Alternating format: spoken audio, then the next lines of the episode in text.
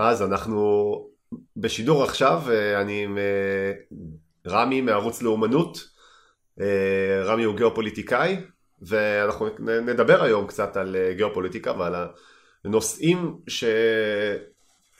שיעלו. אז רמי, שלום. שלום וברכה. אני, אני חושב שעשיתי סקירה קצרה על הערוץ שלך בתקופה האחרונה, ו...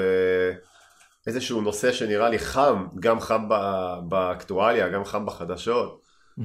הייתי רוצה שתספר לי, אם אתה יכול לספר לי קצת על טורקיה. על, על טורקיה יש הרבה דברים לספר, בוא, בוא נתחיל מ, מסוריה עכשיו, okay. אוקיי. ממה שקורה בסוריה. Mm-hmm. ולפני uh, מספר ימים, בחמישה במרץ, הגיע uh, ארדואן למוסקבה, להיפגש עם פוטין, כדי לחתום איתו על הסכם הפסקת אש סביב אזור שנקרא אידליב בצפון סוריה. ובחודשיים וחצי האחרונים, מ-19 בדצמבר, וגם קצת לפני כן, הייתה שם מערכה מאוד גדולה בין הכוחות של אסד, כל מי שנאמן למשטר אסד, נגד כוחות סוניים מקומיים שנאמנים לטורקיה, על המקום ההוא. והייתה שם מערכה של שלושה חודשים עם מיליון עקורים. למה שהם יהיו של... נאמנים לטורקיה? מה זה? למה, ש... למה שהסונים המקומיים יהיו נאמנים לטורקיה? מה הקשר שלהם? טורקיה מספקת להם נשק, היא מספקת להם תחמושת, מספקת להם מודיעין, אה, מספקת להם אה, מעטפת דיפלומטית בצפון סוריה. למה היא עושה את זה? בגלל שיש כמה סיבות למה. מה טורקיה רוצה מסוריה? א', כל מה שהיא רוצה זה לנצח את הכורדים שנמצאים באזור הצפון מערבי והצפון מזרחי של סוריה, כי הכורדים בסוריה תומכים בכורדים בטורקיה, שנמצאים במרד גלוי נגד טורקיה מאז 2015. Mm. מסוג של, אפשר להגיד, אינתיפאדה קטנה, לוחמת גרילה. א', כל הם רוצים לנצח את הכורדים מסוריה. דבר שני, השאיפה של משטר, של טורקיה בכלל, לא רק של ארדואן, של טורקיה כמדינה, זה להפיל את משטר אסד, ולהעלות משטר, כי אסד מתנגד לטורקיה, הוא תומך ברוסיה, הוא תומך באיראן, והוא סוג של מתחרה מדרום. והם רוצים להפיל אותו ולהעלות משטר מקומי, אופוזיציה סונית, שתהיה למעשה כפופה לטורקיה וככה להרחיב את ההשפעה דרומה. למה ישראל לא רוצה להפיל את אסד? ישראל דווקא מאוד רצתה, היה טוב לה אם אסד היה נופל. וכשמלחמת האזרחים בסוריה התחילה, ישראל החליטה לא להתערב, להיות, לקחת קו ניטרלי, מחשש למעורבות גדולה יותר מול רוסיה, או מול חיזבאללה, או מול כל מי שתומך באיראן. וישראל החליטה פשוט לשבת מהצד ולתמוך בניטרליות במשך שנים, עד שבתקווה שאסד איכשהו ייפול מעצמו, מבלי שאלה תהיה יד בדבר. וישראל כן תמכה בארגונים סונים בסוריה לאורך המלחמה. רגע, אוקיי, אז בעצם, אוקיי, אז תן לי שנייה אין בעיה. להבין את זה. יש לנו את הציר השיעי, שזה כן. איראן, סוריה, חיזבאללה, רוסיה במידה מסוימת, נכון? כוחות שיעים בעיראק, כוחות שיעים בתימן, אוקיי, כן. אוקיי, רוסיה כאילו שם אבל בגדול, כאילו יותר לכיוון הזה.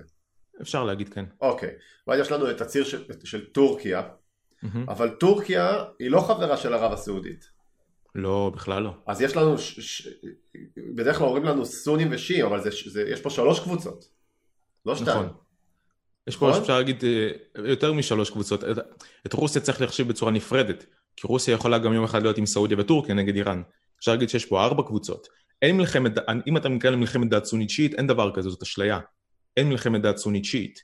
יש את איראן עם האינטרסים בעלות הברית שלה, יש את סעודיה אה, יחד עם איחוד האמירות הערביות שבאותו צד, אה, וכווית ובחריין עם הבעלות ברית, עם האינטרסים שלהן, יש את טורקיה עם אינטרסים שלה, יש את רוסיה עם אינטרסים שלה, יש את אה, ישראל עם אינטרסים שלה. אבל ישראל היא יחסית שקטה ב, ב, ב, בכל התמונה הזו, או שלא? יחסית, היא מפציצה באופן קבוע, בשבועיים האחרונים היו כמה הפצצות ישראליות באזור דמשק. אבל אנחנו מפציצים למה? כי אנחנו נגד איראן וההתערבות של איראן בסוריה ובלבנון. כן, אבל אנחנו מפציצים, אנחנו לא מפציצים ישירות, תתקן אותי, האם אנחנו מפציצים ישירות כדי להתערב בתוצאה של הקרב ביניהם, או שאנחנו מפציצים מתי שמישהו עושה משהו שעשוי לאיים עלינו בעתיד? רוב ההפצצות של ישראל עד כה לא היו כדי למנוע התקפה על ישראל, הן היו כדי למנוע התבססות והשתכללות של איראן וחיזבאללה, השתכללות של רקטות וטילים ומפעלים לייצור נשק כימי בסוריה. כדי למנוע את ההתחזקות ההדרגתית של איראן okay, בסוריה. אוקיי, אבל ישראל לא מנסה לצורך העניין נגיד להתערב לטובת טורקיה או להתערב לטובת אה, אה, ערב הסעודית, או, זה לא מה שישראל עושה. לא, ישראל לא עושה את זה, בצורה ישירה היא לא עושה את זה, אבל בצורה עקיפה יש פעולות שברמה הגיאופוליטית גורמות לזה ש... האחרות מתחזקות כשנחלשות יותר מדי כדי להשאיר איזה סוג של מאזן כוחות. כן, כמו שצריך. כן. אוקיי, אז, אז הטורקים, למה הטורקים לא מסתדרים עם, ערב הסעודים, עם ערב הסעודית? יש קודם כל סיבה דתית, למה? אבל זו, זו שולית, סיבה דתית, כל אחד רוצה לראות את עצמה מנהיגת העולם הסוני. מה עם מצרים? מצרים לא רוצה להיות מנהיגת העולם הסוני? גם היא רוצה, יש הרבה מדינות שרוצות. גם מצרים רוצה, מצרים רואה את עצמה אם העולם, ראשית כל הציוויליזציות, מצרים רואה בעצמה את המנהיגה הטבעית של כל הערבים והסונים, אבל, אבל יש גם את הסיבות של האינטרסים כי מצרים האנרגטיים. כבר הייתה מנהיגת הערבים בעצם. היא הייתה מנהיגה של חלק ממדינות ערב, היא לא הצליחה להגיע להשפעה מלאה נניח על אלג'יריה או מרוקו, Hmm. היא אף פעם לא הגיעה להשפעה על- על עיראק, היא הגיעה לכל יותר להשפעה על ירדן מצרים, על חלק מתימן, אבל לא באמת, ועל לוב, אבל לא על מדינות ערביות. בכל אופן, למה טורקיה וסעודיה מתחרות? הן מתחרות כי הן רוצות השפעה על קטר, הן רוצות השפעה על קרן אפריקה, בים האדום יש תחרות ביניהן. קרן אפריקה, רוצה- אני, אני רק רוצה לוודא שאני יודע, אה, יודע על מה אתה מדבר. קרן אפריקה זה השפיץ הזה של אפריקה שנמצא אה, במעבר לים סוף, נכון? בדיוק. אוקיי. אה, אתיופיה, אריתריאה, ג'יבוטי, טוב. סומלילנד וסומליה. תימן, שם אגב. אפשר גם, גם תימן, כן, אפשר להגיד גם אוקיי. תימן, אה, מבחינה ימית לפחות.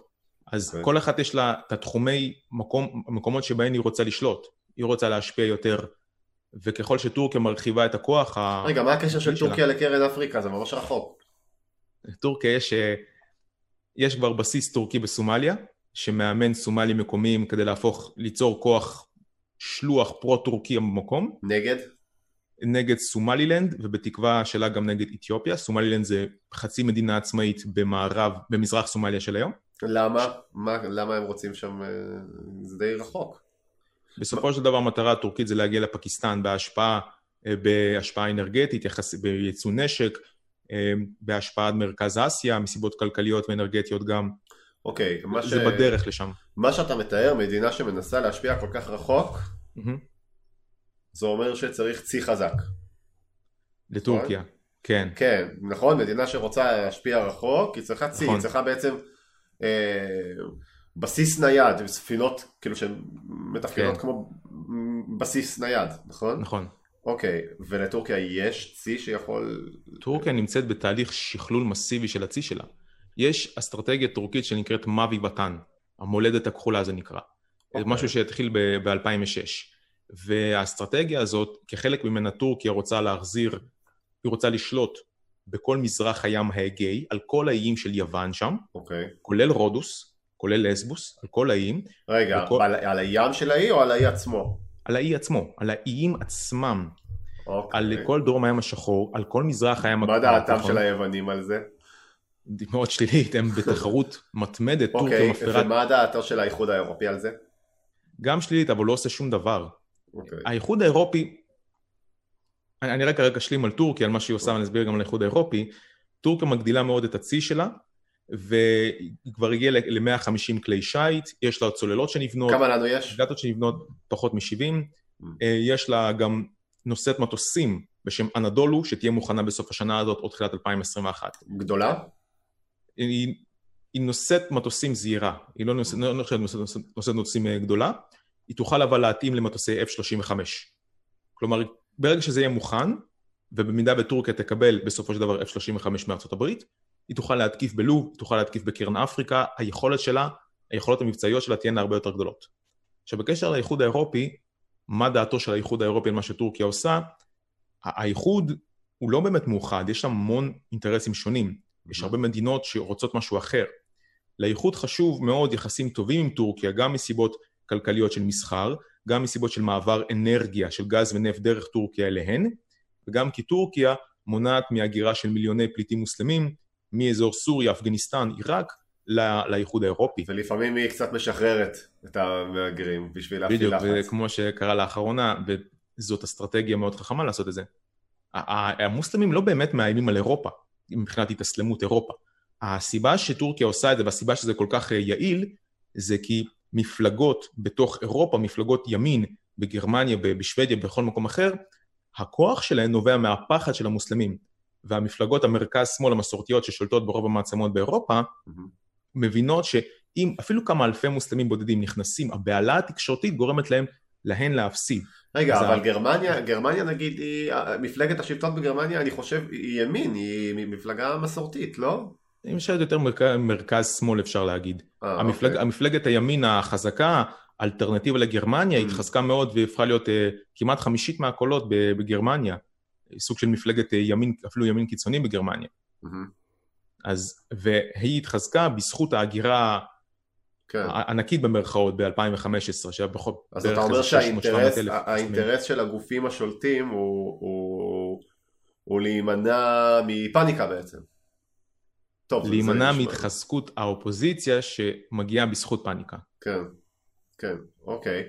אז זה, ה, זה הנושא של האיחוד האירופי, ש, ששמעתי אותך אומר מתישהו שזה האימפריה של גרמניה, כן, אה, שאני לא יודע מה זה אומר. להסביר לך אה, מה זה אומר? כן, תסביר לי מה זה אומר. אוקיי, גרמניה היא מדינה שחצי חצי מהכלכלה שלה מובא- מבוססת על ייצוא, על ייצוא ויבוא, על מסחר למעשה. אה, אין לה כוח אדם, אין לה מספיק אה, אוכלוסייה צעירה כדי לצרוך את המוצרים של עצמה. כדי Mm. לשרוד כמדינה היא חייבת לייצא. עכשיו, הייצוא שלה גורם לזה ש... שהיא חייבת שכל שאר מדינות אירופה תהיינה עם שווקים פתוחים לקבל את התוצרת אז זה צריכה הגרמנית. את האיחוד. בשביל זה. בדיוק, היא חייבת שהאיחוד יישאר פתוח. היא חייבת שכל המדינות תהיינה באיחוד, שגבולות פתוחים, מסחר פתוח, בשביל המסחר שבשביל הייצוא שלה. אבל כשאתה בתוך אומר, כשאתה אומר שזו האימפריה של גרמניה, כן. יש, יש בזו הנחה ש, שגרמניה שולטת לחלוטין באיחוד, וזה מה שקורה? היא שולטת מבחינה מוניטרית באיחוד, מבחינת הניהול כספים, דרך הבנקים שלה. לא. ההלוואות שהיא נותנת למדינות בדרום אירופה, נניח ל- ליוון, לאיטליה, לספרד, נועדו לגרום לזה שהן תוכלנה להמשיך לקבל את התוצרת הגרמנית, להמשיך ל- ל- לכלכל את הכלכלה הגרמנית. אוקיי, אז... רגע, יש לנו, נכנסנו למלא נושאים ואני אוהב את זה, אני כן. מנסה לעקוב אחרי הכל. התחלנו מטורקיה ו... אני כן, כי אני כן רוצה לחזור שנייה, אתה יודע מה? בוא נשים את זה רגע בצד, כי לא דיברנו על ישראל, אוקיי, שזה מעניין למה לא, לא העליתי ישר את ישראל. אבל בוא נדבר רגע על ישראל. בסדר. עסקת המאה. אוקיי, כן, עסקת המאה. מה אתה יכול להגיד לי על עסקת המאה שלא קראתי בחדשות? אני לא יודע מה קראת בחדשות, אבל אני אגיד לך... האמת שלא קראתי. הרבה, אבל אני, אני מניח שכאילו, קראתי מה שכתוב, אתה יודע. יש לי כמה דברים להגיד על עסקת המאה. קודם כל, ברמה הגיאופוליטית של מה עסקת המאה אומרת. כן, אה, ארה"ב עוזבת את המזרח התיכון, מכמה סיבות, היא עוזבת את המזרח התיכון. אבל היא לא רוצה שמעצמה רגע, אחת... מה הקשר, איך, איך הגעת למסקנה הזו שארצות הברית? זה לאט לאט, חכה, דבר מוביל לדבר. סבבה. היא עוזבת את המזרח התיכון. והיא לא רוצה שאיראן או טורקיה תתחזקנה יותר מדי, נגדה. זה חלק מאסטרטגיה מאוד חשובה של ארה"ב, שביבשות אירופה ואסיה לא תהיה מעצמה חזקה מדי. אז היא יוצרת קואליציה מקומית בין ישראל למדינות ערב נגד איראן, ואולי בהמשך גם נגד טורקיה.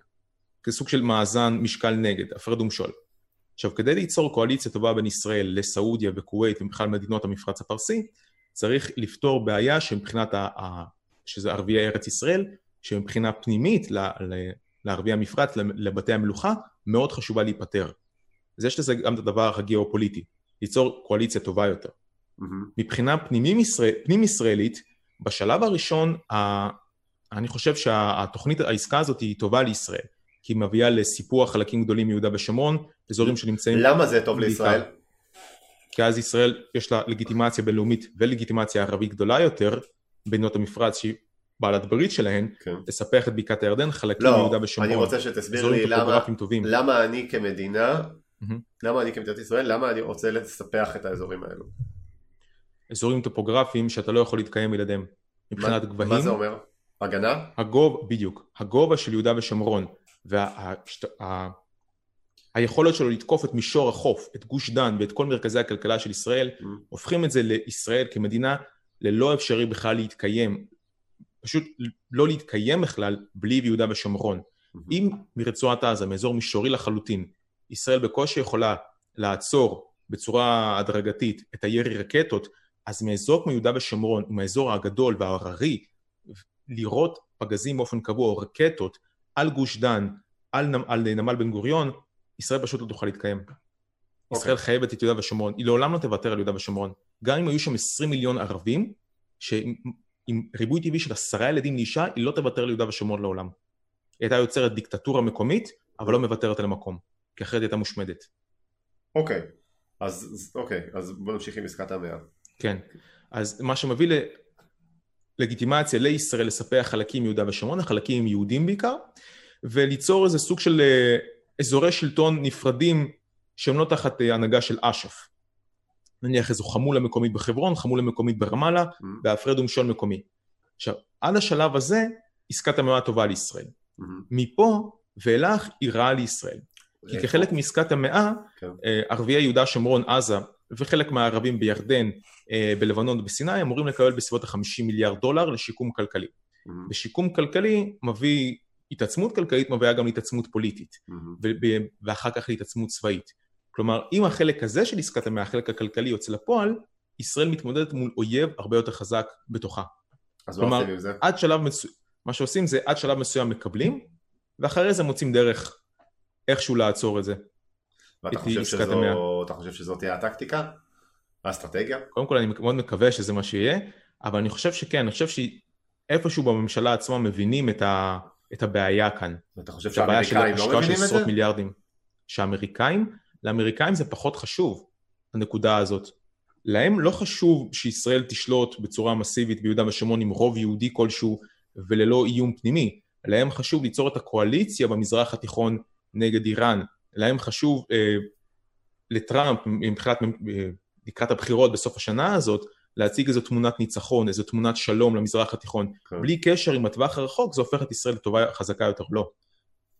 ו- ואמרת שישראל רוצה שתהיה את הקואליציה הזו, אה, הברית רוצה את הקואליציה הזו נגד איראן כן. ונגד טורקיה. למה הברית טור- נגד טורקיה? טורקיה חלק מנאטו. אוקיי. נאט"ו, קודם כל, נגד טורקיה לא בשלב הזה, אבל בשלב מאוחר יותר. לארה"ב תמיד חשוב שאף כוח לא יעלה חזק מדי באירו-אסיה. למה? ב- בשל- במצב הזה זה אירופה ואסיה בו זמנית, של למה? טורקיה. מה זאת אומרת? למה כי- ספציפית להת- לה- להתלבש על המקום הזה? מה עם על כל אוסטרליה? אירו-אסיה, כן. זה כבר נושא אחר, אבל אני אסביר אותו ממש אוקיי, בקצרה. לא, אז עזוב, בוא נישאר עם ה- כן. עם זה רגע, תכף נחזור לזה. עם למה חשוב לארצות הברית, זה שהיא מנאט"ו לא אומר שום דבר, לא אומר הרבה. Mm, נאט"ו הוקם כדי להיות משקל נגד נגד ברית המועצות.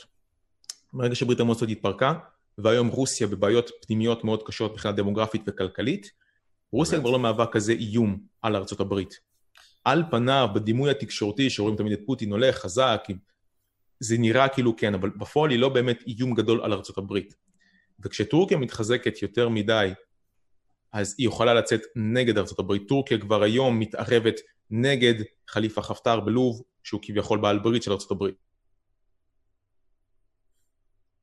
היא, מתער... היא פועלת הברית, היא פועלת נגד ישראל, בעלת ברית של ארצות הברית. היא לאט לאט משנה את ה... משהו פה עם האינטרנט.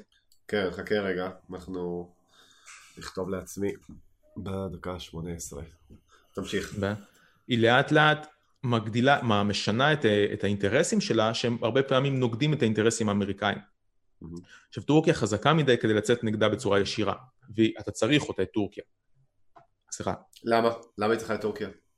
היא צריכה את טורקיה, כי כמו שצריך מאזנ... אה, סוג של מאזני כוח נגד טורקיה, צריך גם את טורקיה כמאזני כוח נגד מישהו אחר. וטורקיה טורקיה- נגד רוסיה? טורקיה למשל נגד רוסיה, נגד איראן, אבל אם, טור... אם טורקיה חלשה מי מדי... ביחד עם טורקיה? נשמע שטורקיה לבד. ביחד עם... טורקיה לבד? טורקיה די בודדה את עצמה בשנים האחרונות. אבל uh, מי ביחד עם טורקיה? רוסיה ביחד ונגד עם טורקיה, הברית ביחד ונגד עם טורקיה, uh, פולין, אוקראינה, גיאורגיה, אזרבייג'אן, מי ביחד עם ישראל? ארצות הברית, צרפת, צרפת בערך, בריטניה, כן? באיזה, בריטניה. באיזה, באיזה צורה הם ביחד עם ישראל? מבחינת, קודם כל בריטניה מבחינת מסחר והיא יעד מאוד חשוב לייצוא נשק ישראלי, Mm. ומבחינת אה, מאזן הכוחות במזרח הים התיכון נגד, נגד טורקיה עוד פעם, או נגד איראן, למרות שצרפת כמה כלי שיט יש לבריטניה, אתה יודע?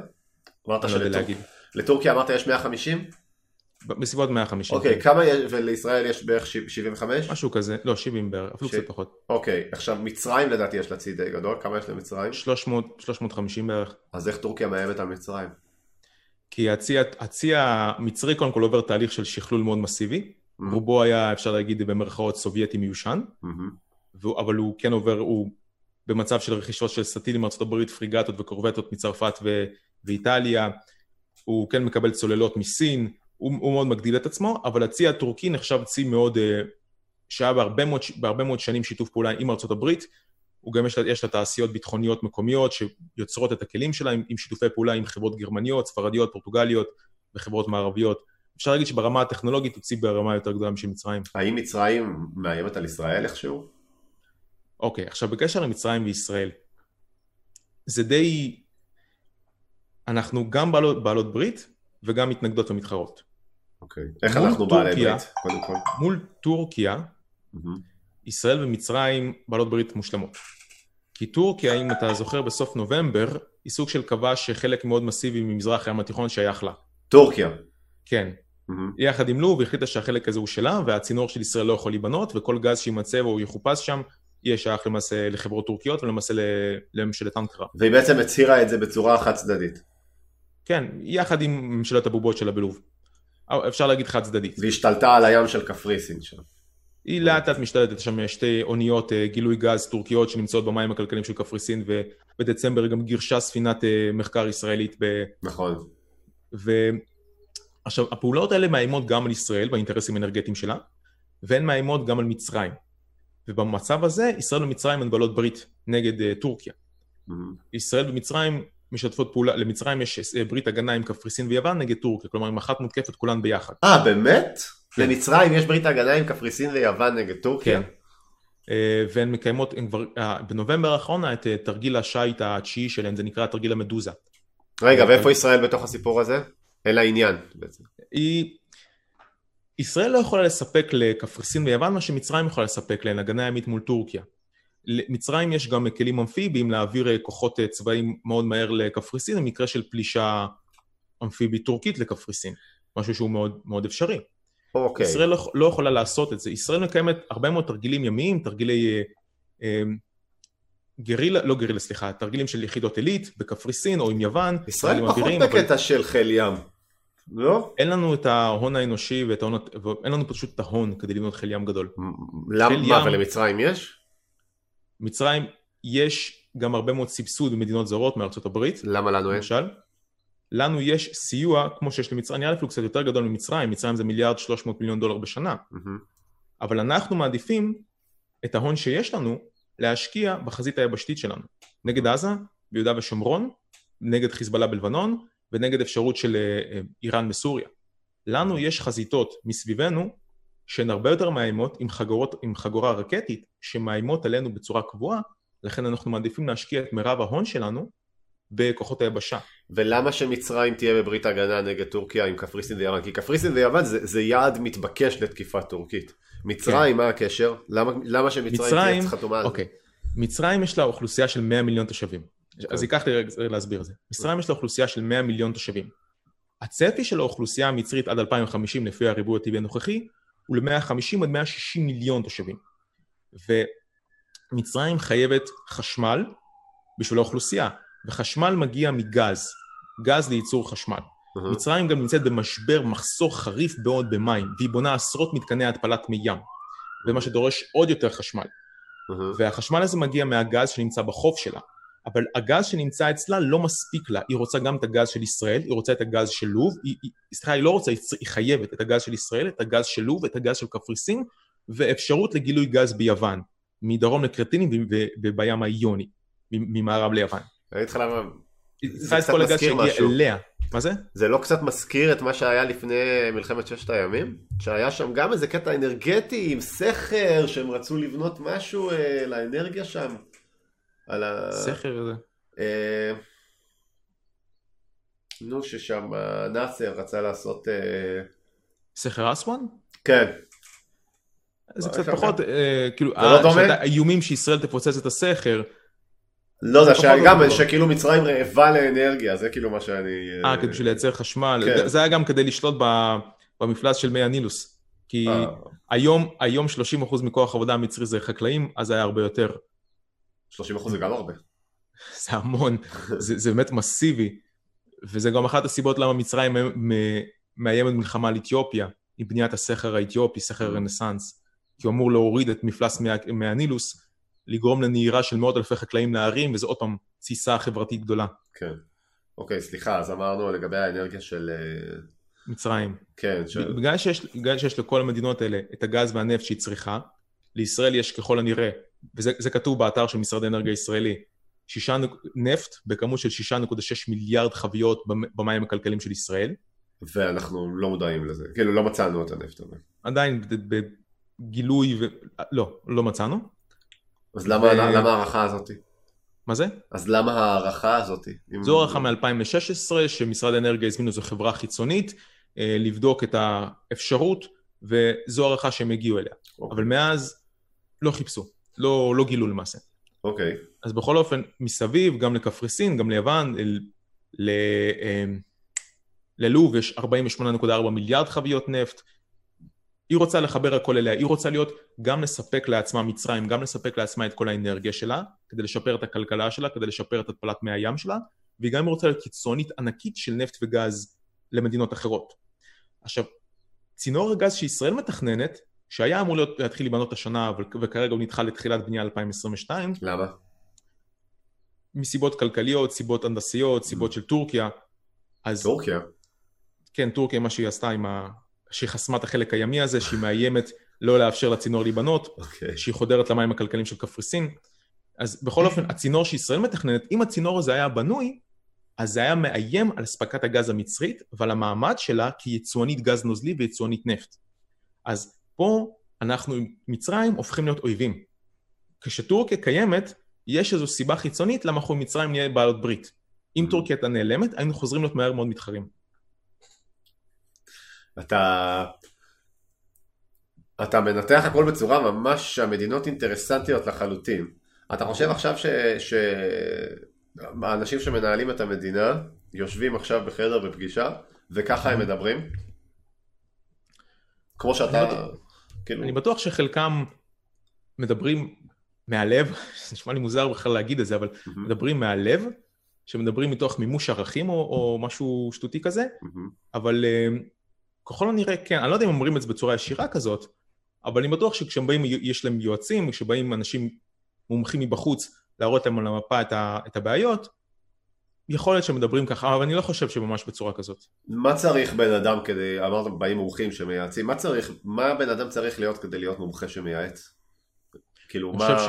מה אה, ההשכלה שלך, מה, מה עשית לפני, זה, זה דבר שנשמע, לא נראה לי שזה דבר שאתה לומד.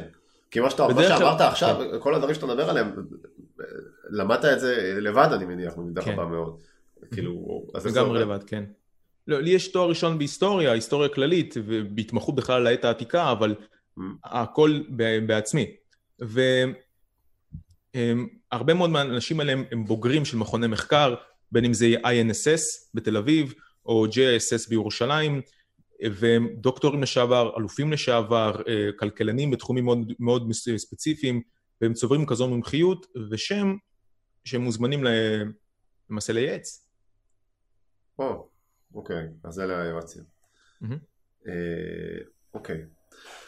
עכשיו ספר לי, לא דיברנו על איראן? על איראן, כן. אה, בקשר לאיראן, אני לא חושב שאיראן תפסיד, למרות שאנחנו מאוד רוצים שהיא תפסיד. תפסיד?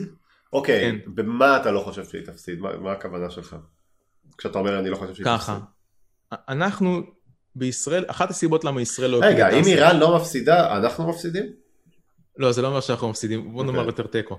אוקיי. אז אחת הסיבות שישראל לא התערבה בסוריה להפיל את אסד, זה היה מאיזו הנחת יסוד שגויה על האביב הערבי, על כביכול האביב הערבי, שהוא גם הייתה אשליה מאוד גדולה.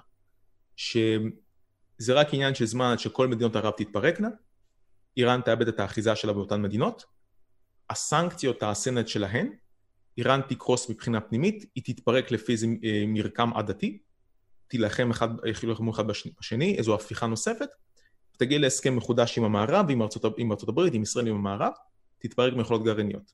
אתה חושב שזה מה שישראל חשבה? זה הדבר הכי טוב שישראל יכולה לחשוב עליו. זה, זה הדבר הכי טוב שיכולנו לחשוב עליו. כי כשאתה מטיל סנקציות על מדינות, וקורה, וגם נתניהו הרבה עשה את זה הרבה פעמים לאזרחי איראן, זה המשטר שלכם, אנחנו לא נגדכם, אנחנו נגד המשטר שלכם. איפשהו אתה מקווה שהאזרחים יצאו פעם להתקוממות המונית, כמו שהיה ב-2009, של מיליונים לרחוב, ותעלה איזו תנועה רפורמית חדשה, תנועה יותר ליברלית מערבית, או שהם יתפרקו פנימה ויחסלו אחד את השני. Mm-hmm. זה המצב הכי טוב, וסנקציות אמורות לעשות את זה. וזה לא קרה. איראן, אפילו להפך, איראן תחת סנקציות ואמברגו נשק בצורה כזו או אחרת מאז 1979. Mm-hmm. והיא פיתחה יותר תעשיות מקומיות, היא מתבססת למטבע חוץ בעיקר על ייצוא גז ונפט. אה, גם איזו תעשיית רכב, תעשיית שליחים, אבל בעיקר ייצוא גז ונפט. יש תעשיית רכב באיראן? כן. יש להם איזה רכב שהם מוכרים ב-7,000 דולר, ש... מזמן קראתי את זה. רכב, okay. אוקיי. נחשב רכב טוב. אני זוכר שהלוגו שלו הוא סוס כלשהו, אבל לא משנה, אבל אמ, בעיקר תעשיית, אה, תעשייה מקומית הם פיתחו, ותעשיות נשק מקומיות, לאיראן יש גם מערך נ"מ שנחשב די מתקדם, והם לא התפרקו, הם לא נפלו תחת נטל הסנקציות. בסוף 2019 היו כמה אלפי הרוגים בפנים, בהתקוממות, בגלל המצב הכלכלי, אבל, אבל איראן הצליחה לדכא את ההתקוממות די בכוח. ויש למשמעות המהפכה, ויש בכלל למשטר האיראני הרבה מאוד תמיכה בתוך איראן. Mm-hmm. ולא רק שהסנקציות לא פירקו אותה, ועכשיו ממשל טראמפ, הממשל הגדול כביכול, ש... שרוצה, ל... והחזק במרכאות, מנסה להגיע להסכם עם איראן. וב-2019... תכף נתעכב על המרכאות האלה. מה זה? תכף אני אשאל אותך על המרכאות האלה. אין בעיה, ב-2019 איראן תקפה הרבה מאוד פעמים במפרץ הפרסי, היא אפילו יירתה מל"ט אמריקאי בשווי 220 מיליון דולר, ארה"ב לא עשתה שום דבר, לא, הייתה, לא היה לה אינטרס לעשות משהו, היא לא הייתה צריכה. וממשל טראמפ מנסה להגיע להסכם עם איראן, הוא מנסה לחדש את המשא ומתן עם איראן. Mm-hmm. ואיראן לא הפסיק, ואם אתה זוכר בינואר האחרון חיסול סולימני וההתלהבות סביב חיסול סולימני שלא משנה יותר מדי. ואיראן יש את ההשפעה עכשיו בסוריה, במיוחד אחרי שאסד ניצח במערכה האחרונה באדליב. יש את ההשפעה המתחזקת בלבנון, בעיראק, בתימן. אה, היא מאוד רוצה להגיע גם להגיע לאיזו הסכמה עם מצרים, היא כרגע לא מצליחה, אבל היא מאוד רוצה. היא רוצה להגיע להשפעה גם במערב אפריקה, והיא לאט לאט עושה את זה. למה הם רוצים את זה? מה, במצרים? לא, למה איראן לא רוצה את זה? למה נגיד ישראל לא עושה, כאילו, אתה אומר, כי גם טורקיה וגם איראן, דיברת על זה שהם מחפשים את ההשפעה במדינות אחרות. אה, למה אוקיי. ישראל, נגיד, למה זה דבר שחשוב להם ולנו לא? או שאנחנו כן עושים את זה? קודם כל יש, יש הבדל גיאוגרפי מאוד חד בינינו לבין ישראל וטורקיה, בין אה, איראן וטורקיה.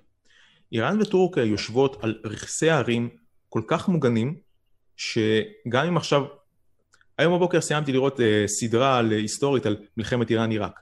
Mm. שעיראק תקפה בהפתעה עם מאות אלפי חיילים את איראן ונתקעו תוך כמה קילומטרים בערים. היא כל כך מוגנת, וגם טורקיה כל כך מוגנת בערים, שאתה יכול את רוב ההון שלך להשקיע בחיל ים, בשלוחים במדינות אחרות, בחיל אוויר, ישראל, מה שאמרתי מקודם על חיל הים, היא לא יכולה, אין לנו את הרכסי הערים האלו, את האלפי קילומטרים, את, את הכמה קילומטרים גובה הערים, כי לא באמת אכפת לנו כמה בסיסים קטנים ויכולים לבלום צבאות גדולים. אנחנו חייבים כוחות יבשה גדולים נגד כל מה שמסביבנו, נגד עזה, לבנון ודרום סוריה. שלוש חזיתות שבו זמנית ישראל תצטרך להילחם בהן בגלל מערך הרקטות. והן יכולות, איראן וטורקיה, להשקיע את ההון שלהן בחוץ, במדיניות חוץ, אה, מחוץ, למד... מחוץ להן. Mm-hmm. לנו אין את היכולת הזאת. גם אם אתה לוקח בחשבון גודל האוכלוסייה, גודל האנרגיות, גודל הכלכלות, אז להן יש את היכולת, הן יותר חזקות, מבחינת חוץ יותר חזקות מאיתנו, מהבחינה הזאת. אה, ולמה איראן רוצה לעשות את זה? יש את הסיבה הדתית למה היא רוצה לעשות את זה, להיות הגמוניה אה, שיעית דתית, לשלוט בסופו של דבר במכה ומדינה במערב חצי האי ערב. אה, יש סיבות אנרגטיות, לשלוט בכל הנפט והגז של המפרץ הפרסי, ואז להיות מאגר אנרגיה של רוב העולם, של רוב יבשת אסיה, מה שנותן הון כלכלי עצום והון דיפלומטי עצום, וגם סיבות פנימיות כדי לשלוט, שה, לשלוט באוכלוסייה ולמנוע חתרנות חיצונית בתוך איראן, כי כשאנחנו יותר חזקים, הם יותר מוגנים גם מבחינה, מבחינה פנימית. אוקיי, okay, אז למה אמרת שהם לא יפסידו? למה הם לא יפסידו? Mm. כי בינתיים הם מצליחים, הם מצליחים לעשות את זה, ואני חושב שזה לא ריאלי לצפות לזה שהם יתפרקו. Mm. שהם יתפרקו תחת את הסנקציות. אוקיי. Okay. שאני אשאל אותך למה, למה אמרת על האמריקאים שהם חזקים עם כוכבית? לא, על טראמפ אמרתי, לא על אמריקאים. ארה"ב היא, היא כוח בלתי נתפס, והיא יכולה, אם היא רוצה, לכבוש את כל אפריקה. למה, למה טראמפ, כי טראמפ הציג את עצמו והוצג גם על ידי הרבה ישראלים, אה, אני לא אגיד שמות, אבל גם על ידי הרבה ישראלים, כאיזה מישהו אגדי, כאחד למאה, כ... מנהיג חזק, ששום דבר לא עומד בפניו, והוא יקבל כל מה שהוא רוצה. מוכר ו... לך? זה לא רק טראמפ.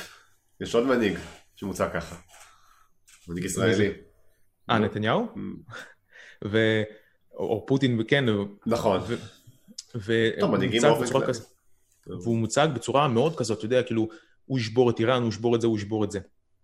אבל הוא לא עושה את זה. ולא כי הוא לא יכול, כי אין לו סיבה. למשל, אם אתה זוכר, ביולי 2017, כשכולם אז דיברו על מלחמת עולם שלישית בגלל קוריאה הצפונית, עם ניסויי הטילים שלה. נכון, אוקיי. והוא אמר שהוא... אה, שהוא עשה עם הטוויטר, שהוא אה, ירד הוא- על ה rocket man כן. בטוויטר, אוקיי. והוא אמר שהוא, הוא, אפילו הוא אמר את זה מול עיתונאים, אני אשרוף את פיונג יאנג, את הבירה של קוריאה הצפונית, שהוא יהרוס אותה ועם דם ואש, ו, ולא, ולא רק שהוא לא הרס אותה, הוא פגש את קים ג'ונג און שלוש פעמים, פברואר ויוני 2018 ומאי 2019, ומנסה לקדם שיחות שלום עם קוריאה הצפונית. והוא אמר שהוא יהרוס את איראן, והנה הסנקציות החדשות על איראן, והוא מנסה להגיע בעצמו לפגישה עם האיתול החומני. הוא מנסה לפגוש אותם, ו... עם חמינאי, סליחה, והוא מנסה לפגוש אותם. והוא אפילו ב... ביוני האחרון, יוני 2019, שינזו אבה, ראש ממשלת יפן, הגיע לאיראן בברכת הברית לתווך בין המדינות.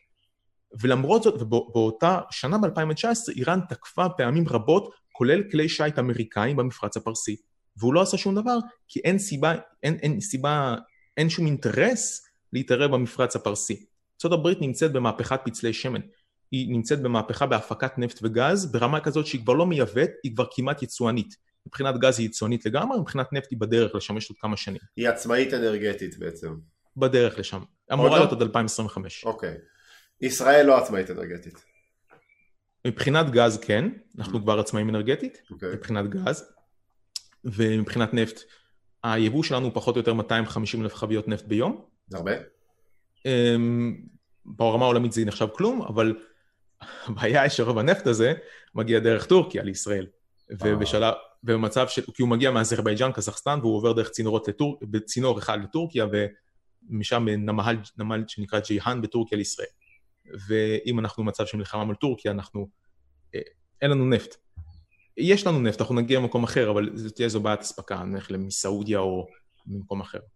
אוקיי. אתה רוצה לספר לנו על, אה, על סין? על סין.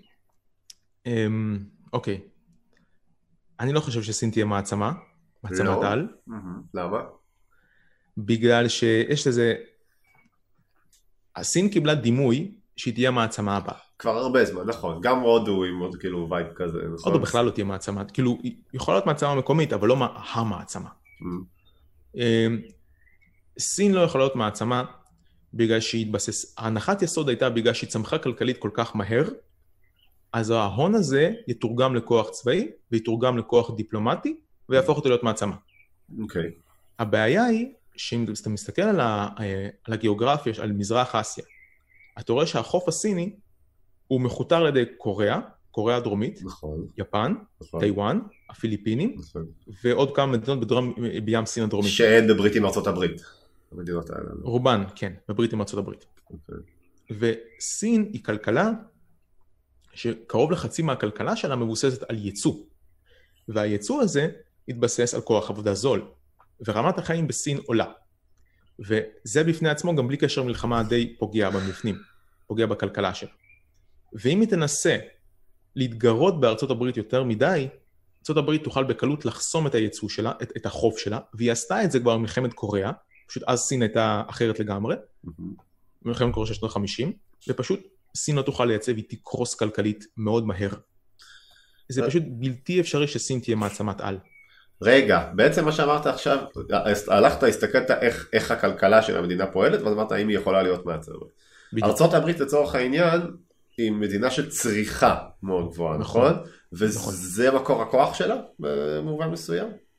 לארצות יש כמה מקורות כוח, א' כל היא מוגנת, אוקיינוס ממערב, אוקיינוס ממזרח, מדינה מאוד חלשה מצפון ועוד מאוד חלשה מדרום, קנדה חלשה?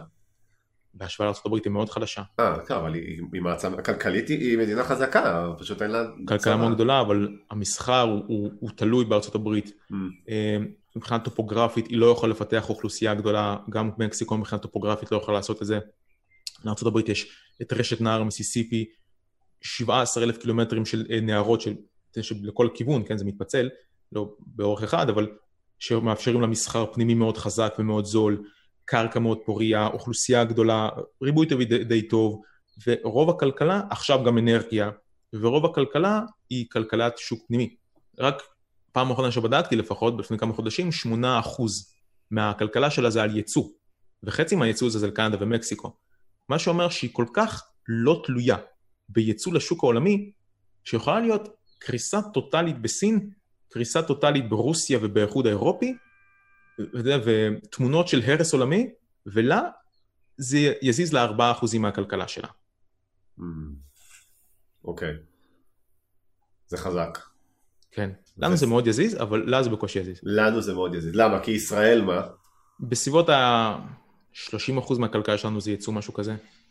אנחנו מאכילים את עצמנו, רמי? מאכילים מבחינת כן. מזון? כן. לא, רוב המזון שלנו מיובא. 99% מהדגנים, 80, בסך משהו כמו 80% אם מחר. בבוקר אומרים וירוס קורונה וזה, אין יותר יבוא. בואו נגזים, סבבה? כן. אתה לא יכול לייבא יותר שום דבר. אין לנו אוכל? כן. לא. מתים ברעב. כן? עד כדי כך. אין, אין לנו יכולת, אין לנו את הקרקע כדי לגדל מזון בקנה מידה נרחב. אין לנו את המים, אני יודע שיש התפלה, אבל אין לנו את המים כדי, כדי לקיים חקלאות בקנה מידה נרחב. אנחנו, האוכלוסייה צומחת מאוד מהר בישראל, הריבוי טבעי בישראל הוא מאוד גבוה, אמ, ואנחנו צריכים את הקרקע בה- בהמשך. קראתי איזה מחקר מעניין מלפני כמה חודשים, על זה שישראל יכולה להיות עצמאית תזונתית, מהמם. אם כל האוכלוסייה תהיה טבעונאית. אה, מה זה טבעונית? יגדלו- טבעונית אתה מתכוון? לחלוטין, כן. אוקיי. טבעונית, כן. אם כולם יאכלו רק פירות וירקות וגם סוגים מסוימים של פירות וירקות. זה היה בננות כן, אבל אה, נראה לי חסה לא, אני לא זוכר בדיוק מה זה היה. לא, אני בכלל לא טבעוני. ובננות כן, חסות לא, משהו בסגנון הזה. ירקות שיש להן אה, תפוקה גדולה לדונם, הרבה מאוד קלוריות וכמה שפחות מים, משהו כזה, ועם המון חממות בכל, בכל חלקי הארץ, אז מבחינת האדמה ומים והערך הקלורי נוכל להיות עצמאים תזונתית. כל מה אבל- שאמרת עד כה על כן. ישראל, בבקשה. כל פעם שישראל עלתה איכשהו, נתת לי סיבה להיות פסימי. מה שמעתי? שמעתי שאנחנו לא יכולים להגן על מרכזי המסחר שלנו, שאנחנו כן. צריכים לספח שטחים. שמעתי שאנחנו לא יכולים לבנות צי. שמעתי שיש לנו חזית פה וחזית שם וחזית זה. שמעתי שאנחנו לא מאכילים את עצמנו. כן. מה יש לך להגיד על ישראל? שהוא טוב? לא, דבר על ישראל. בוא... אוקיי, שחרר. בוא נהיה רגע אופטימי. אני אגיד את החלקים האופטימיים. אוקיי. האוכלוסייה הישראלית היא אוכלוסייה מאוד צעירה. אמ, היא צומחת מאוד מהר. הילודה הטבעי, הילודה ליהודיות בישראל היא 3.17 ילדים לאישה בממוצע, ואצל מוסלמיות 3.20. כלומר ההבדל הוא 0.03. זה כל ההבדל. והוא הוא כנראה בשנים הבאות, יהודים יולידו הרבה יותר ממוסלמים. האוכלוסייה היהודית צומחת, היא נהיית מאוד, ב... יותר תתבסס לאט לאט בכל חלקי הארץ, בקצב הזה. האוכלוסייה הצעירה זו אוכלוסייה שצורכת מצרכים, זאת אומרת שאפשר לפתח, יש פוטנציאל לכלכלת שוק מקומי, אה, זאת כלכלה שהיא מבוססת בעיקר על כלכלת הייטק וייצוא שירותי מידע, אה, מה שלא מצריך טופוגרפיה למעשה יותר מדי טובה, מה שבכלל לא מצריך טופוגרפיה, שירותי הייטק, רק מחשב ו- ויש פוטנציאל לישראל להפוך להיות מרכז כלכלי מאוד גדול, ואם אנחנו נוכל להימנע מאיזו קטסטרופה כלשהי, ככה במשך איזה 50 או 100 שנים, ולהגיע לאיזו מסה של 40 מיליון יהודים לישראל, 50 או 100 שנה זה הרבה זמן להימנע מקטסטרופה. בוא נאמר ככה, בשביל זה יש- ישראל צריכה להיות זו שיוזמת מעשה מלחמה בעזה, לבנון וסוריה בו זמנית בעצמה, כדי ליצור את העומקים האסטרטגיים ולבטל את האיום הרקטי. מה זה, ו- למה אתה מתכוון לזרום עומק, לייצר עומק אסטרטגי? זה אומר, שטח? כמו, ש, כמו, כמו שזה נשמע בדיוק, לצאת להתקפה, כן. לכבוש את המקומות האלו, לגרש, זה מאוד חשוב, את האוכלוסייה המקומית כחלק מהמלחמה, ולמנוע את בניית מערך רקטות שבאמת מאיים על מרכזי האוכלוסייה של ישראל ישראל. עשתה טעות שהיא לא גירשה במלחמת ששת הימים? כן, ברור, ודאי, ממש טעות. זה היה על השולחן לדעתך? זה דבר שחושבים עליו, שאתה יוצא למלחמה, אתה אומר, אוקיי, אם אני כובש, כדאי שאני אגרש? אתה, בטח, כאילו, יש המון, המון דוגמאות כאלה מהיסטוריה, אבל אה, למשל, למשל זה כשברית המועצות כבשה את, אה, את חלקים מאוד גדולים במזרח אירופה מידי גרמניה במלחמת העולם השנייה, היא גירשה איפשהו, לא רק היא, גם מדינות מקומיות, בין 12 ל-14 מיליון גרמנים גורשו. יש דוגמה. ל... יש דוגמה ל... למדינה דמוקרטית שעשתה את זה? מדינה דמוקרטית שגירשה, יכול לחשוב על ארה"ב שגירשה את האינדיאנים, באזור של מזרח לנהר המיסיסיפי, פחות, פחות דומה. כאילו זה רחוק מדי. כן, זה, זה לא בדיוק לכבוש מדינה, כאילו, ולגרש, כן. נכון? זה פשוט אין דוגמאות כאלה מהמאה השנים האחרונות, יותר מדי דוגמאות כאלה מהמאה השנים האחרונות. רק של, ה... של הפשיסטים והקומוניסטים. בטח יש דוגמאות.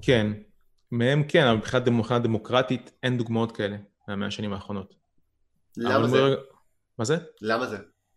כי מדינות דמוקרטיות לא היו מעורבות במלחמות של כיבושים במאה השנים האחרונות, למה? לא כי הן דמוקרטיות, כי ארצות הברית סיפקה להן את כל מה שהן צריכות. כי אחרי מלחמת העולם השנייה, ארצות הברית יצרה איזו מין מסגרת עולמית, אמ, שהיא מספקת להן את כל הנפט של המפרץ, שהיא שומרת על הגנה של נתיבי המסחר בימים בעולם, היא מספקת את הנפט והגז. ולמה ארה"ב עושה את זה אם אתה אומר שהיא לא כזאת תלויה בייצור וכאילו... אז הייתה לה סיבה מאוד הגיונית לעשות את זה והייתה ברית המועצות. היא הייתה צריכה למצוא, ליצור קואליציות תחת חסותה במערב אירופה שזה נאט"ו, במזרח אסיה עם יפן ועד אוסטרליה והודו, במזרח התיכון למשוך מדינות ישראל ומדינות ערב אליה, לבודד את ברית המועצות, למנוע ממנה להתחזק יותר מדי עד שהיא תתפרק, עד שהיא למעשה תפסיד במלחמה, שזה מה שקרה. שזה מה שקרה. ומאז אין באמת סיבה הגיונית לעשות את זה. הייתה אספקת נפט וגז במפרץ הפרסי אליה, ועכשיו כבר היא אין. הופכת לעצמאית אנרגטית, היא עכשיו היא הופכת לכל כך בדלנית ובשנים הקרובות ככל הנראה היא תהיינה, היא תהיה, לא יהיה לה אכפת ממה שקורה באירופה ואסיה. אז מה- מה זה אומר עלינו? מה שזה אומר עלינו שישראל צריכה ברית הגנה עם ארה"ב, הסכם סחר חופשי וכמה שיותר אה, תמיכה אמריקאית.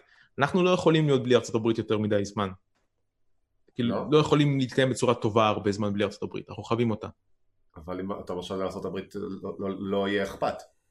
כן, זו, זו, זו, זו קצת בעיה. זה סוג של מלכודת כזאת, אהה, שלא יהיה לה יותר מדי אכפת ממה שקורה, כבר עכשיו לא כזה אכפת לה ממה שקורה. אהה. והדוגמה הכי, הכי קיצונית שאני יכול לתת זה מה המלחמה הקשה ביותר בעולם במאה ה-21. זה, המלחמה הקשה ביותר בעולם במאה ה-21? כן, רגע, לא, בוא, בוא, זה- איזה מלחמות? תגיד, תן לי יבשת. אפריקה. אפריקה?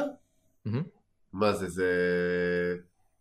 זה שם הרצח הרצח עם הזה שם, של ההוצי? אה, לא, לא ברואנדה, אמ, זה גם ב-1994 בכלל, אבל אמ, אה, פספסתי קצת באיזה עשור.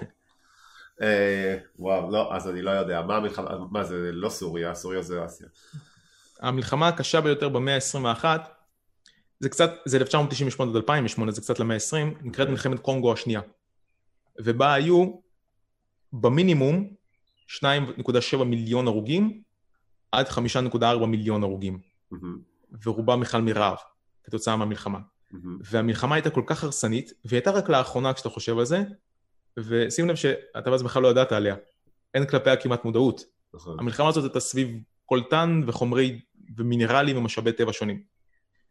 וארה"ב לא התערבה, כי לא הייתה לה שום סיבה להתערב, מיליוני הרוגים לא אומרים כלום, למה שיהיה לה אכפת? כאילו עכשיו גם לראות טילי טומהוק ולשלוח כמה מטוסים זה עולה כסף, מהמם. ובסדר אם יש מיליוני הרוגים, אם זה מגיע למרקע הטלוויזיה וזה משפיע בכלל דעת קהל פנימית, אז בטח יש לך סיבה מאוד טובה, אז זה כוח פוליטי. כן. אבל אם לא, אז, אז מה אכפת לך? ודבר דומה יכול לקרות בעשור הזה או בעשור הבא, או לא בקנה מידה של מיליונים, אולי כן, אבל אין לה סיבה להתערב במה שקורה באירואסיה, אה, אלא אם כן יש לה אינטרס כלשהו, ומבחינת ישראל, כאילו התחלנו את זה מישראל, מה אנחנו יכולים להציע לארה"ב, אה, זה בעיקר טכנולוגיות, סייבר, הייטק, וזה לא בדיוק להציע, זה ללחוץ דרך דעת קהל פנימית, להגיע לאיזו ברית הגנה כלשהי עם הברית. אבל השמאל האמריקאי היום הוא הופך ליותר ויותר, אה, תקרא לזה אפילו, השמאל האמריקאי פיתח איזושהי ברית עם האסלאם. לא ברית של זהות, אבל, אבל יש שם איזה משהו שקורה, ש, שיכול להיות בעייתי לישראל, כאילו אם, אם פתאום האמריקאי מימין לשמאל ושישראל יהיה איזשהו קונצנזוס, אז יש לך כאילו ימין שהוא בעד ישראל ושמאל שהוא נגד ישראל, וזה כן. מצב בעייתי. זה מלכתחילה אומר בכלל להתבסס על הימין בארצות הברית, ובלי בלי השמאל, אבל גם השמאל בארצות הברית הוא יכול להיות מאוד בדלני. עם חוסר אכפתיות כלפי... האמת מה שקורה שברני. סנדרס הוא יחסית בדלן, הוא, הוא, כאילו, הוא, הוא, הוא יכול לבקר את ישראל כמה שהוא רוצה, אבל הד- הדבר היחידי שהוא מדבר עליו זה, זה נושאים כלכליים חברתיים, כן. אה, פנימיים, ו- מהמם. כן, אז יש בזה... מעניין שהסוציאליזם חזר ככה, ולא- ועוד לארצות הברית, זה דור צעיר כנראה שלא יודע ש... כנראה שאף פעם לא ניפטר מ... מהרעיונות האלו. של סוציאליזם? האידיאולוגיות, ה... שלושת האידיאולוגיות הגדולות של המאה ה-20, מהמם. נכון, ה- ה- הדמוקרטיה, הפשיזם והסוציאליזם, כן. נכון. אה, מהפשיזם נפטרנו רק באמצעות מלחמת חורמה, נכון? כן. סוף העולם, כאילו, מלחמה all out, הכי מלחמה שאתה יכול, שלא היה דבר כזה, נכון? נכון. ואז אוקיי, אז פשיזם זה עכשיו טאבו, אבל אולי עוד 50 שנה זה כבר לא יהיה טאבו. אני, אני לא יודע אם אי פעם ניפטר מה... מהדברים האלו. למעשה. כל, עוד, כל הדמוקרטיה קיימת, גם סוציאליזם יהיה קיים. הם די קשורים אחד לשני. נכון. הם קשורים אחד לשני כי כשאתה בא להיבחר נניח, כשאתה עכשיו מציע את המועמדות שלך או של מפלגה כלשהי, אתה צריך להבטיח משהו לקהל הבוחרים. אם אתה מבטיח להם סובסידיה, משהו שנניח סתם שווה 500 שקלים בחודש, יש סיכוי מאוד טוב שאתה תיבחר. והדבר הזה מאוד קל להוביל להיות משטר ריכוזי וסוציאליסטי. נכון. זה יחסית קשה יותר לשכנע אנשים, אני חושב... איך, איך משכנעים אנשים על קפיטליזם? כאילו, זה, זה קשה לשכנע. זה עבד, זה ניצח. כן, זה ניצח כי זה יותר יעיל כלכלית.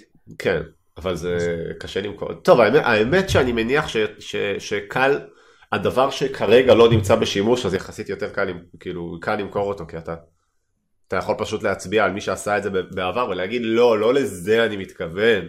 כן. כן, כי אתה יכול להגיד, להגיד אה, אתה מדבר נגיד אתה רוצה למכור סוציאליזם לאנשים בארצות הברית ואז אומרים לך כן אבל ברית המועצות. לא לא ברית המועצות. אני מדבר על דמוקרטיק סוציאליזם כן. זה לא אותו דבר זה צריך להיות זה שונה זה אוקיי? אז ככה אני חושב שזה משהו מעניין. בישראל מש... מעניין שאנחנו אנחנו הימין הליכוד הוא כביכול מדינה אה, אה, כביכול דוגל במדיניות, במדיניות יותר אה, של שוק חופשי. נכון אבל לא מדברים על זה בכלל, בגלל שאני חושב ש, שישראל היא מדינה שהקהל בה, קהל הבוחרים הוא קהל סוציאליסטי. כאילו, אנחנו, אני, אני לא חושב שבישראל לא הייתה אף פעם תקופה ש, שהשיח הציבורי עסק ב... בפילוסופיה כלכלית, בוא נגיד את זה ככה. הוא mm-hmm. עסק אולי במדיניות כלכלית, אבל הוא לא עסק בפילוסופיה כלכלית. הוא לא עסק בבאמת לדבר על מה זה אומר שוק חופשי, מה זה אומר אה, אה, שוק ריכוזי, זה, זה התחושות שלי לפחות. Mm-hmm.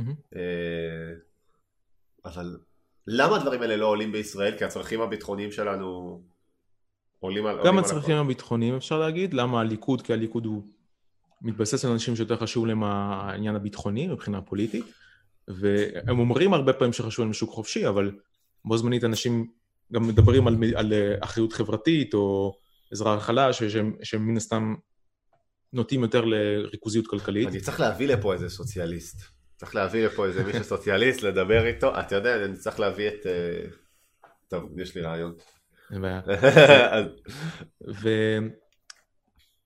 ואני חושב שפשוט, כשבעיקר מדברים על שוק חופשי, ובגלל שכשאנשים מדברים, לפחות מה שאני רואה ברשת, וגם פעם אחת הלכתי לאיזה כנס, אה, כנס כזה, כנס ליברלי, זה שלמרות שזה כביכול קפיטליזם, קפיטליזם זה יותר האחריות שלי כאינדיבידואל על החיים נכון, שלי, נכון. יש תחושה מאוד סוציאליסטית באוויר של אנחנו נגדם, של איזה נכון. קבוצה נגד קבוצה, מבחינה כלכלית לפחות. נכון. וזה הופך להיות מהר מאוד אידיאולוגי בפני עצמו. אבל זה תמיד ככה.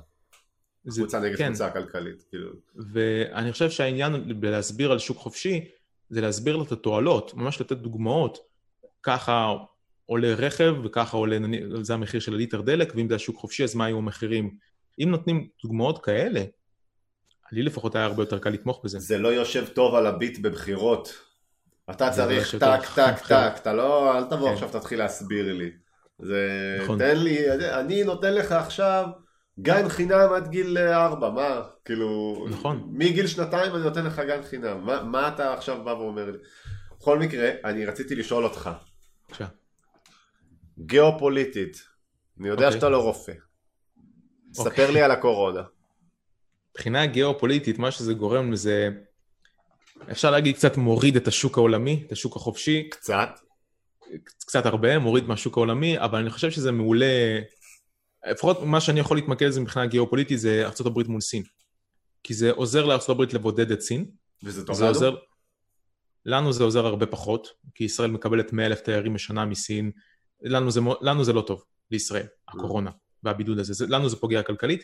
אה, לארה"ב זה מצוין כי, כי בלאו הכי לא, לא מתבססת יותר מדי על ייצוא לסין, או או על יבוא ממנה. על יבוא קצת יותר, אבל זה, זה פחות העניין, היא דווקא לא רוצה את היבוא מסין, וזה עוזר לבודד אותה, וזה עוזר ככה לאט לאט להחליש אותה כלכלית, ולעשות לזה דומוניזציה עם מדינות אחרות. זה, זה הדבר היחיד שאני יכול להגיד מבחינה גיאופוליטית על קורונה, הבידוד של סין. הבידוד של סין? Mm-hmm. אבל נגיד עכשיו מה עם איטליה? מה עם בידוד של איטליה? יש עוד מדינות אחרות מן הסתם, שזה פוגע ברמה של השוק החופשי, שפוגע בייצוא שלהן, אבל מבחינה גיאופוליטית זה לא משנה כמו שזה משנה מה, מה, מה טיב היחסים של ישראל עם איטליה מבחינה כלכלית? שכאילו האם אנחנו יכולים להיפגע מהקטסטרופה שהולכת שם, אני לא יודע כמה זה באמת קטסטרופה, כן, אבל אני בטוח שהתושבים מרגישים קטסטרופה, שזה מה שחשוב הרי בכלכלה. חשוב מה אתה מרגיש, זה כן. לא חשוב מה קורה. נכון. נכון. אז ישראל, כמה תלויה באיטליה, כי אני יודע שישראל, מדברים הרבה בישראל על יחסים עם איטליה, השאלה אם זה סתם דיבורים או שבאמת, אתה יודע אולי? היחסים שלנו עם איטליה, אני לא יודע מה מבחינת אחוזי ייצוא ויבוא, אבל הדבר שחשוב לנו עם איטליה זה הבניית צינור גז אל איטליה. זה הדבר ש... שאמור בכלל לחזק את ישראל, גם אם לא כלכלית, אבל בטוח מבחינה דיפלומטית. תסביר לי למה זה מחזק את ישראל שאתה בונה צינור גז. כי אז אתה מספק לאיחוד האירופי בהתחלה 10 מיליארד מטר מעוקב גז בשנה ובהמשך 20 מיליארד, שזה פחות או יותר 4 אחוזים ממה שהאיחוד צריך, okay.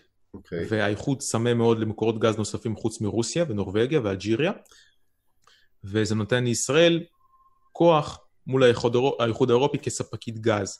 ואז בהחלטות של האיחוד או בהסכמים ביטחוניים וכלכליים אחרים מול, מול המדינות, לישראל יש עוד מנוף לחץ שלא היה לה קודם לכן. קפריסין חלק מהאיחוד האירופי? אני לא יודע. אני אמור לדעת את זה, אני לא יודע. מה קפריסין? מסכנים, באמת, אה, השם ישמור אותם. טורקיה באה להם על הראש, אי קטן לא קשור באמצע שום מקום. מסכנים. זה לא אי קטן, זה, זה, זה המרכז, זה האי הכי חשוב מבחינה אסטרטגית במזרח הים התיכון. למה? כי אם אתה שולט בו, יש לך גישה טובה יותר לתעלת סואץ וללבנון ולסוריה ולמצרים. אתה זה שאתה יותר קל לך לבלום את מה שעובר מדרום, במקום שיבלמו אותך. כי כל מי ששלט באזור חייב לשלוט בקפריסין. אתה, אתה מתאר מצב לפיו מדינה מתנהגת כל הזמן כאילו אוקיי מה קורה אם פורצת מלחמה איתו. נכון. מה קורה אם פורצת מלחמה איתו. נכון. מה יקרה? כל פעם שאתה מתאר איזושהי מדינה אתה אומר למה היא חזקה? היא חזקה כי יש לה ביטחון בפני מלחמה מסיבות כאלה ואחרות. היא כן. חזקה כי יש לה, כי אם, כי התמריץ לתקוף אותה נמוך. או היא חזקה כי גם אם יתקפו אותה אז היא עדיין יכולה לתפקד כרגיל.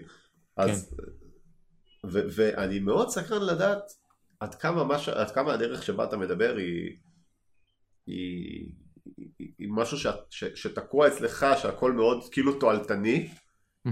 אוקיי? או שבאמת מדינות זה מה שהן חושבות, אני יודע שכבר דיברנו על זה, אבל, אבל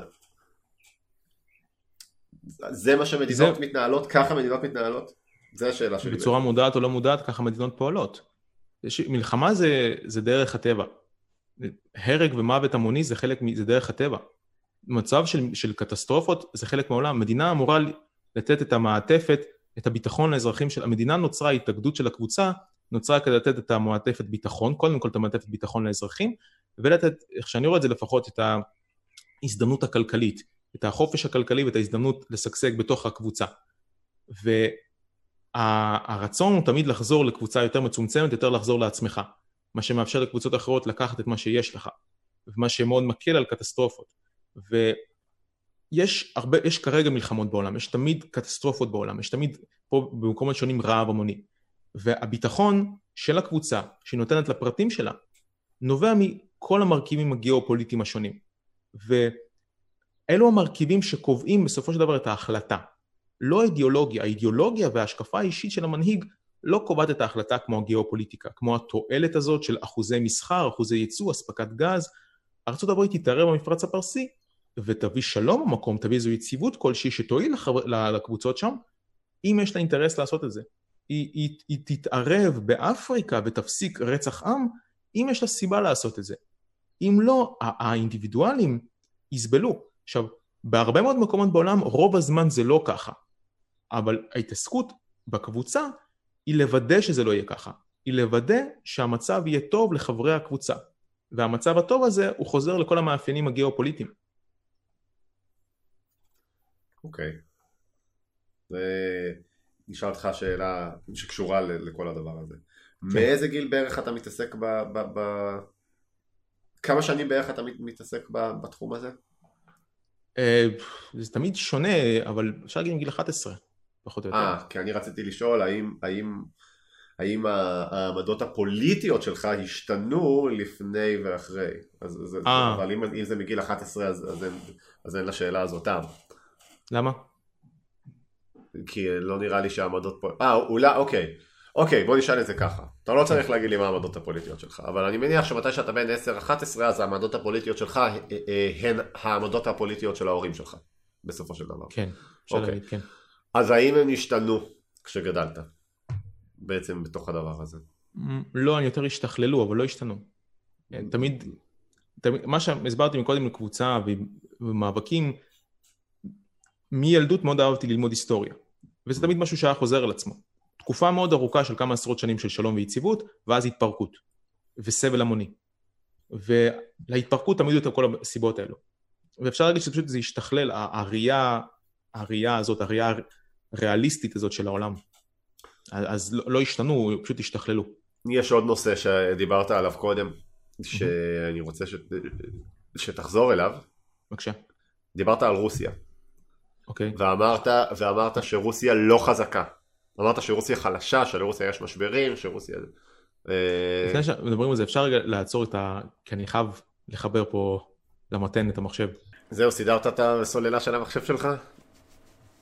רגע. זהו, סידרתי את זה. אוקיי, יאללה, אז דבר איתי על רוסיה. אוקיי, אז למה רוסיה בעצם נחלשת? Hmm. מה שאמרתי קודם, למה רוסיה נחלשת? אמ, הסיבה המרכזית, יש... כדי להסביר את זה צריך רגע להסביר למה רוסיה המדינה הכי גדולה בעולם? למה מלכתחילה את המדינה הכי גדולה בעולם? זה נובע מזה שרוסיה עצמה כהמדינה, כעם הרוסי, יושב באזור של מזרח אירופה, של, של מערב רוסיה של היום, ממערב להרי האורל, בין סנט פטרבורג של היום, מוסקבה, רסטוב דרומה. זה האזור המרכזי. עכשיו הבעיה שהאזור הזה הוא מישור אחד ענק, הוא חסר כל הגנה טבעית. וכד... ורוסיה היא מדינה שחוותה הרבה מאוד פלישות לאורך ההיסטוריה של הפנימה. עם, עם הרבה מאוד חורבנים באוכלוסייה שלה. במאה ה-17 אפילו שליש מהאוכלוסייה מתה בעקבות פלישות של כמה, כמה פלישות בו זמנית מכל הכיוונים. במאה ה-17? מה זה במאה ה-17? 1602 עד 1613 אה, נקראת תקופת הצרות של רוסיה, של כמה פלישות בו זמנית, שגם שוודים וגם פולנים. שוודיה, שוודיה פולין, השתנה אצלך, שוודיה, כן, פולין, אוקיי. כן, שוודיה, פולין, טטרים, מרידות פנימיות. מגפה ורעה באוכלוסייה. אה, מוסקבה נכבשה על ידי פולין. באמת? בקיצור, מוסקבה כן. נכבשה על ידי פולין? אוקיי. וגם על ידי שוודיה. חמש פעמים מוסקבה נכבשה סך הכל. כמעט אוקיי. שש במלחמת העולם השנייה. והתקופת הרס הזאת, ובכלל תקופות, הרבה פלישות קודמות לרוסיה, גרמו לה כל הזמן להתרחב כדי להגיע לכמה שיותר עומקים אסטרטגיים. וכל מקום שהיא כבשה, בהרבה מאוד פעמים היא כבשה עמים מקומיים, הייתה צריכה לרצוח אותם או לגרש אותם, או ליישב רוסים. ולהכריח אותם ללמוד רוסית, להכריח אותם לקבל את התרבות הרוסית. Mm-hmm. זו סיבה שאתה רואה כל כך הרבה אוקראינים, או, או ליטאים, או קפקזים, או בוכרים, או אחרים דוברים רוסית. כי התרבות הרוסית נכפתה עליהם, כדי להרגיש חלק, כביכול הם חלק ממוסקבה, mm-hmm. להיות נאמנים. עכשיו רוסיה של היום, אחרי שהיא איבדה את כל העומקים האסטרטגיים הגדולים שלה בהתפרקות ברית המועצות, הגיעה לגבולות מאוד חסרי הגנה. ומבחינת דמוגרפיה, ופה עכשיו למה רוסיה נחלשת. יש שתי סיבות למה. בראייה הרוסית, בראייה שלהם, הם כל רגע, כל מאה, מישהו צריך לפלוש אליהם. כל רגע הם עלולים להיות תחת פלישה מאוד מסיבית מהגבולות, החיצ... מגבולות פתוחים. והם רואים את, היום את פולין, מדינות הבלטיות, מגדילים את הצבאות שלהם ומתכוננות למלחמה נגדה. נגדה. בעיקר בגלל מה שקרה באוקראינה, הפחד הזה מפני הפלישה הרוסית. ורוסיה יש שתי סיבות למה היא נחלשת. אחת היא כלכלית, שהכלכלה שלה רובה המוחלט מבוסס על ייצוא נפט וגז ועל ייצוא משאבים, ואין לה תעשיות הייטק, אין לה תעשיות משוכללות מלבד נשק או סייבר, שחוזר לביטחון, ויש לה תעשיות כבדות, והיא מאבדת לאט לאט את הכלכלה שלה, היא גם תחת סנקציות, וככל שארצות הברית מגדילה את תפוקת הנפט והגז שלה, לרוסיה יש פחות ופחות שוק לייצא באירופה, וגם מחירי הנפט והגז הולכים ויורדים. יש לפעמים פיקים של עליות, אבל בגדול הם יורדים. והיא מאבדת את הכלכלה, היא פשוט במצב מאוד קשה. בסוף 2019 היו הפגנות גדולות בתוך רוסיה על העלאת גיל הפרישה ועל אפשרות לקיצוץ בסובסידיות, בפנסיות. ומדינה מאוד ריכוזית ומאוד עם תחושה של המדינה דואגת לי, היא לא מדינה קפיטליסטית בכלל. אז יש את הסיבה הכלכלית, למה? היא מאבדת את הכלכלה שלה, וזה מצב מאוד הרסני. היא מדינה אפילו להיות על סף אוליגרכיה, על, על, לא סליחה, על סף אריסטוקרטיה, שהרבה מאוד פעמים משרות ממשלתיות, או אפילו חברות, עוברות בירושה או בחתונה, עד ממש במצב כזה. והסיבה השנייה היא דמוגרפית. הילודה ברוסיה היא מאוד נמוכה, היה איזה שיפור בשנים האחרונות, אבל היא מאוד נמוכה. ואחוז הזקנים האוכלוסייה הולך וגדל. יחד עם זאת, באזורים, בעיקר בקווקז, הרוסים, הרוסים אתנים עוזבים את המקום, והאוכלוסייה המוסלמית, לא בריבוי כזה גבוה, זה איזה שניים וחצי ילדים לאישה, לא משהו מטורף, אבל כן אה, צומחת. וזה אזור שהיא עלולה לאבד אותו במצב של מלחמה. ולאט לאט היא מוצאת את עצמה מוקפת, היא מוצאת את עצמה תחת סנקציות, ופשוט חלשה כלכלית. וב-2024 פוטין אמ-, כביכול אמור להתפטר, כנראה הוא אולי ימצא איזו דרך להאריך את הכהונה שלו, אבל בלעדיו, בלי המרכז כוח הזה שהוא הצליח ליצור איכשהו, רוסיה עלולה להגיע למצב של עוד פעם מלח... מאבק פנימי כמו בשנות התשעים, שהיא חוותה, עוד פעם מרידות בקווקז, וההיחלשות ההדרגתית שלה עלולה לפגוע בה.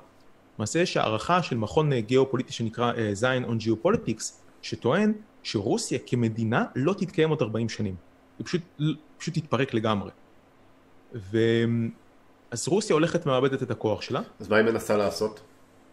מה שהיא מנסה לעשות זה לצמור לעצמה חזרה עומקים אסטרטגיים, את השליטה על הקווקז, את השליטה על אוקראינה, את השליטה על בלרוס, אה, בתקווה בעתיד לצאת להתקפה על פולין ומדינות הבלטיות ולהשיג את העומק מערבה. אתה חושב? אני די בטוח בזה, הם מגדילים, לא, הם למעשה מקטינים את הצבא, הם משכללים את הצבא, והם עושים תרגילים צבאיים לפלישה מערבה, והם רוצים להישאר עם דומיננטיות בשוק הגז האירופי, כי דומיננטיות בשוק הגז האירופי, שזה בין היתר גם לא, לא לתת ישראל את הצינור גז שלה, זה נותן להם את הלחץ על האיחוד האירופי, כי אם האיחוד האירופי פועל נגדם, הם פשוט מפחיתים קצת מהגז, זה אומר הרבה פחות חשמל וכלכלה נפגעת. אז רוסיה וישראל אה, בניגוד עניינים בנושא הזה. יש גם, זה יחסים שהם יותר אה, תחרות מאשר בעלות, אה, בעלות ברית רוסיה וישראל. הבנתי. רוסיה תומכת בחמאס, היא תומכת בחיזבאללה, היא תומכת באסד, רוסיה תומכת באיראן. רוסיה תומכת בחמאס ובחיזבאללה? Mm-hmm. איך היא תומכת בהם? מכירה בהם מבחינה דיפלומטית, כרגע זה הכל. אמ, יש פגישות לפעמים בין אה, ראשי חמאס לפוליטיקאים בכירים רוסיים, אבל כרגע זה לא במצב של אה, נשק ותחמושת. זה, זה יכול להיות בהמשך, אבל כרגע לא. דיפלומטית. הבנתי. טוב, רמי, אה, אנחנו צריכים לסיים, mm-hmm. אבל אני רוצה לספר לצופים שלנו פעם נוספת, של... מי שפה, כמו שכתוב בתיאור הסרטון, זה רמי מערוץ לאומנות, ערוץ היוטיוב הטוב אה, בעברית לאומנות. אה, אני ממליץ לכם בחום לבדוק איתו. אה, רמי, תודה שהיית איתנו. שמחה, תודה. תודה על ההזמנה, ודרך אגב, אני רוצה להגיד גם שלך יש ערוץ מאוד נהדר. מאוד, אני צופה מדי פעם ויש סרטונים מעולים. תודה רבה. להתראות.